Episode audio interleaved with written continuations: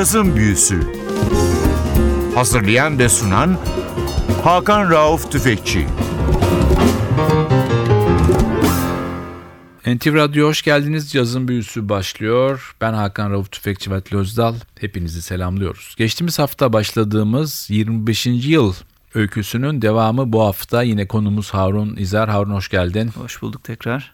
25. yıl için program çok önemli dedik. Bir sürü isim saydık ama süremiz yetmedi. Bu haftaya sarktık. Yine senin dedim yetmeyecek ama elimizden evet. geldiği kadar herkesi söyleyeceğiz. Bir sonunda detaylı bir parça daha genel bilgi de veririm ben şimdi. Evet, tabii ki. Festivalde yine çok ilginç bir proje var. Evet, Anat Cohen ve Marcelo Gonçalves.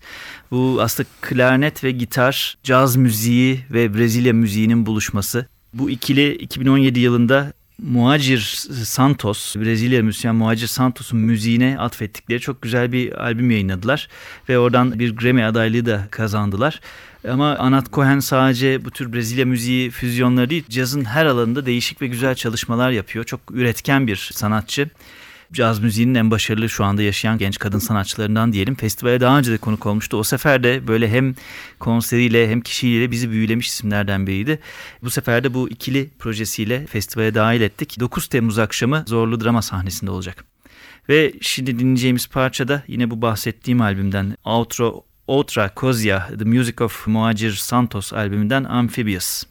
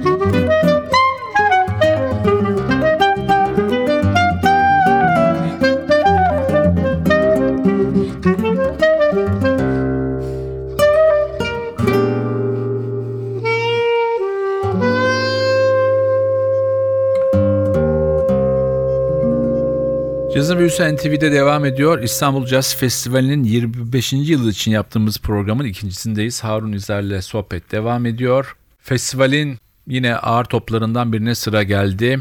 Esasında bahsedeceğimiz sanatçı bir mucize olarak hayata tutundu. Önemli bir rahatsızlık geçirdi. Bu hastalığı sırasında müzik hayatı bitti dediler ama Fred Hirsch tekrar aramıza döndü ve eskisi gibi çalıyor.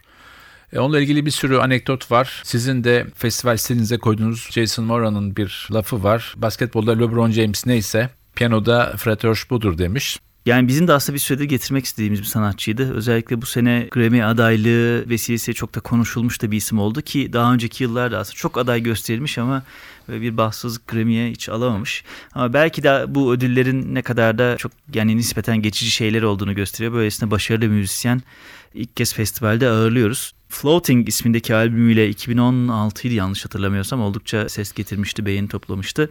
Yakın dönemde birkaç tane konser kaydı yayınladı. Yine onlardan bir tanesini dinleyeceğiz. Hatta bu da yine çok yeni yayınlanan bir canlı kayıt. Fred Hurst Trio ve See şimdi dinleyeceğimiz parça.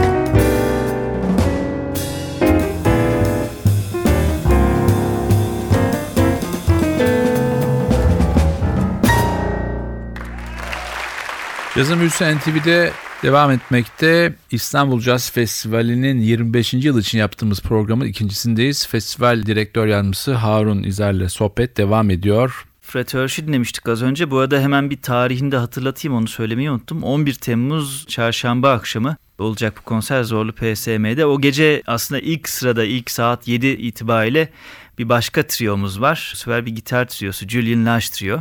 Bu arada Fred hakkında küçük bir dipnot. Çok önemli isimlere de hocalık yapmış biri. Brett Meldau ve e, Ethan Iverson'a, Bad Plus'ın Ethan Iverson'a öğretmenlik yapmış, mentorluk yapmış bir isim. 1955 doğumlu olmasına rağmen yaşını pek göstermeyen bir isimdi hasta olana kadar.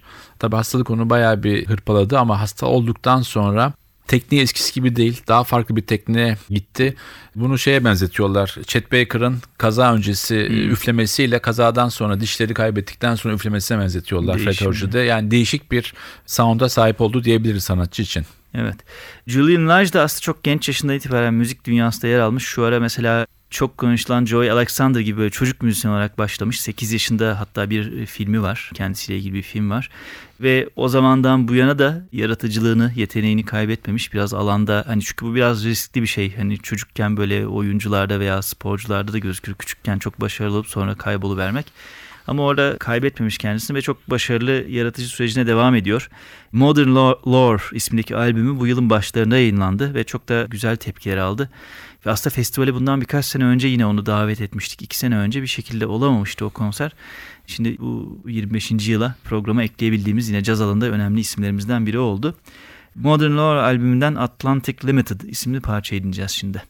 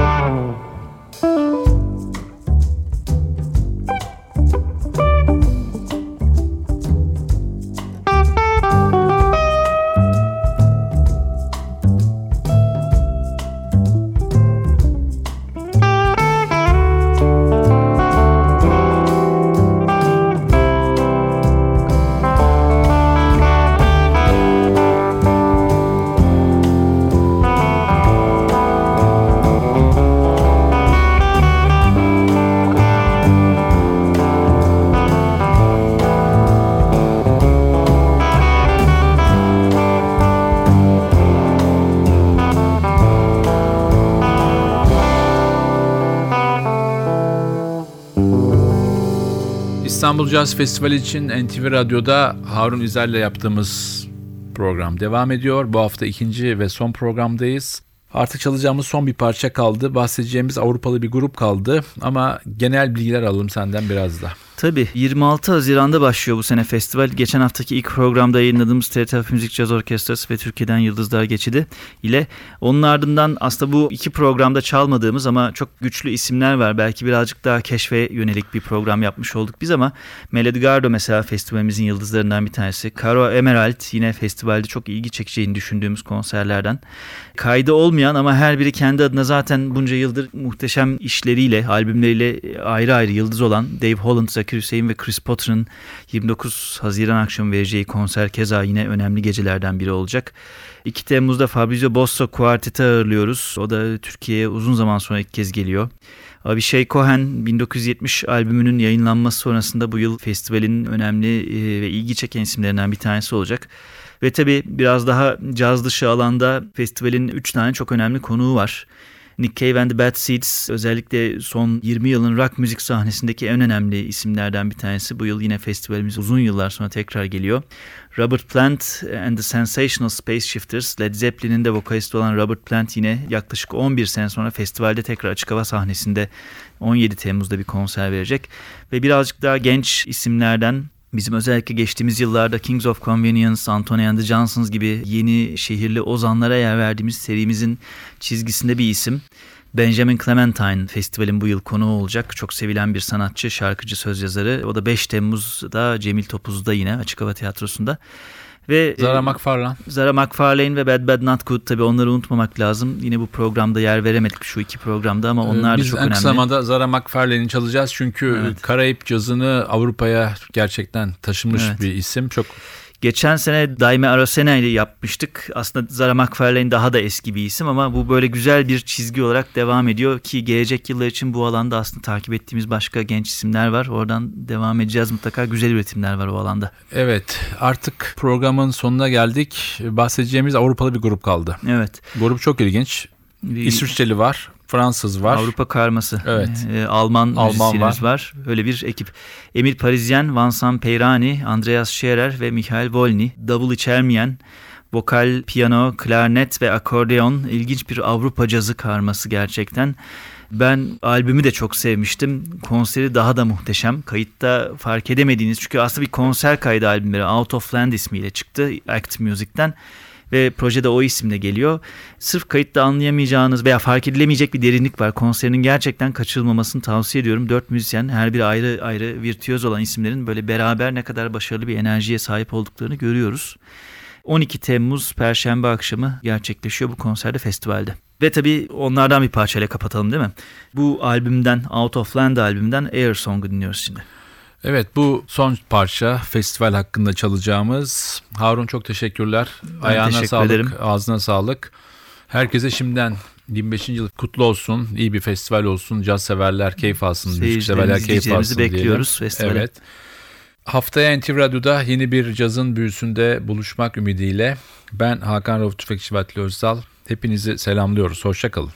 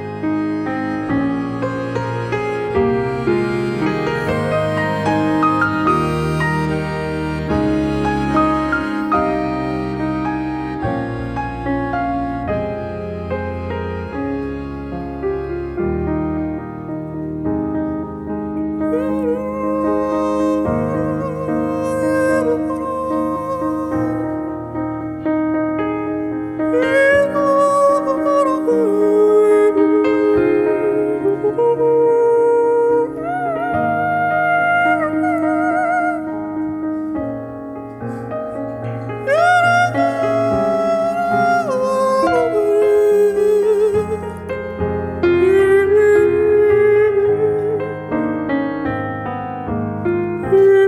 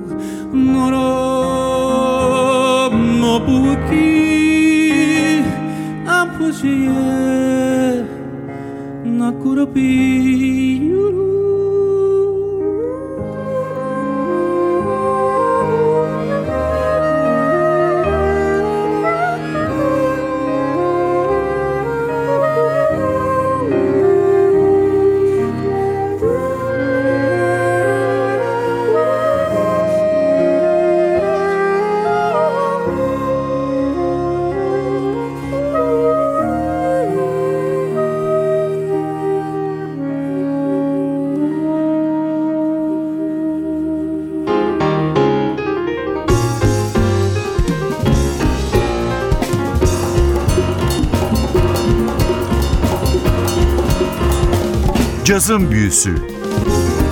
Hazırlayan ve sunan Hakan Rauf Tüfekçi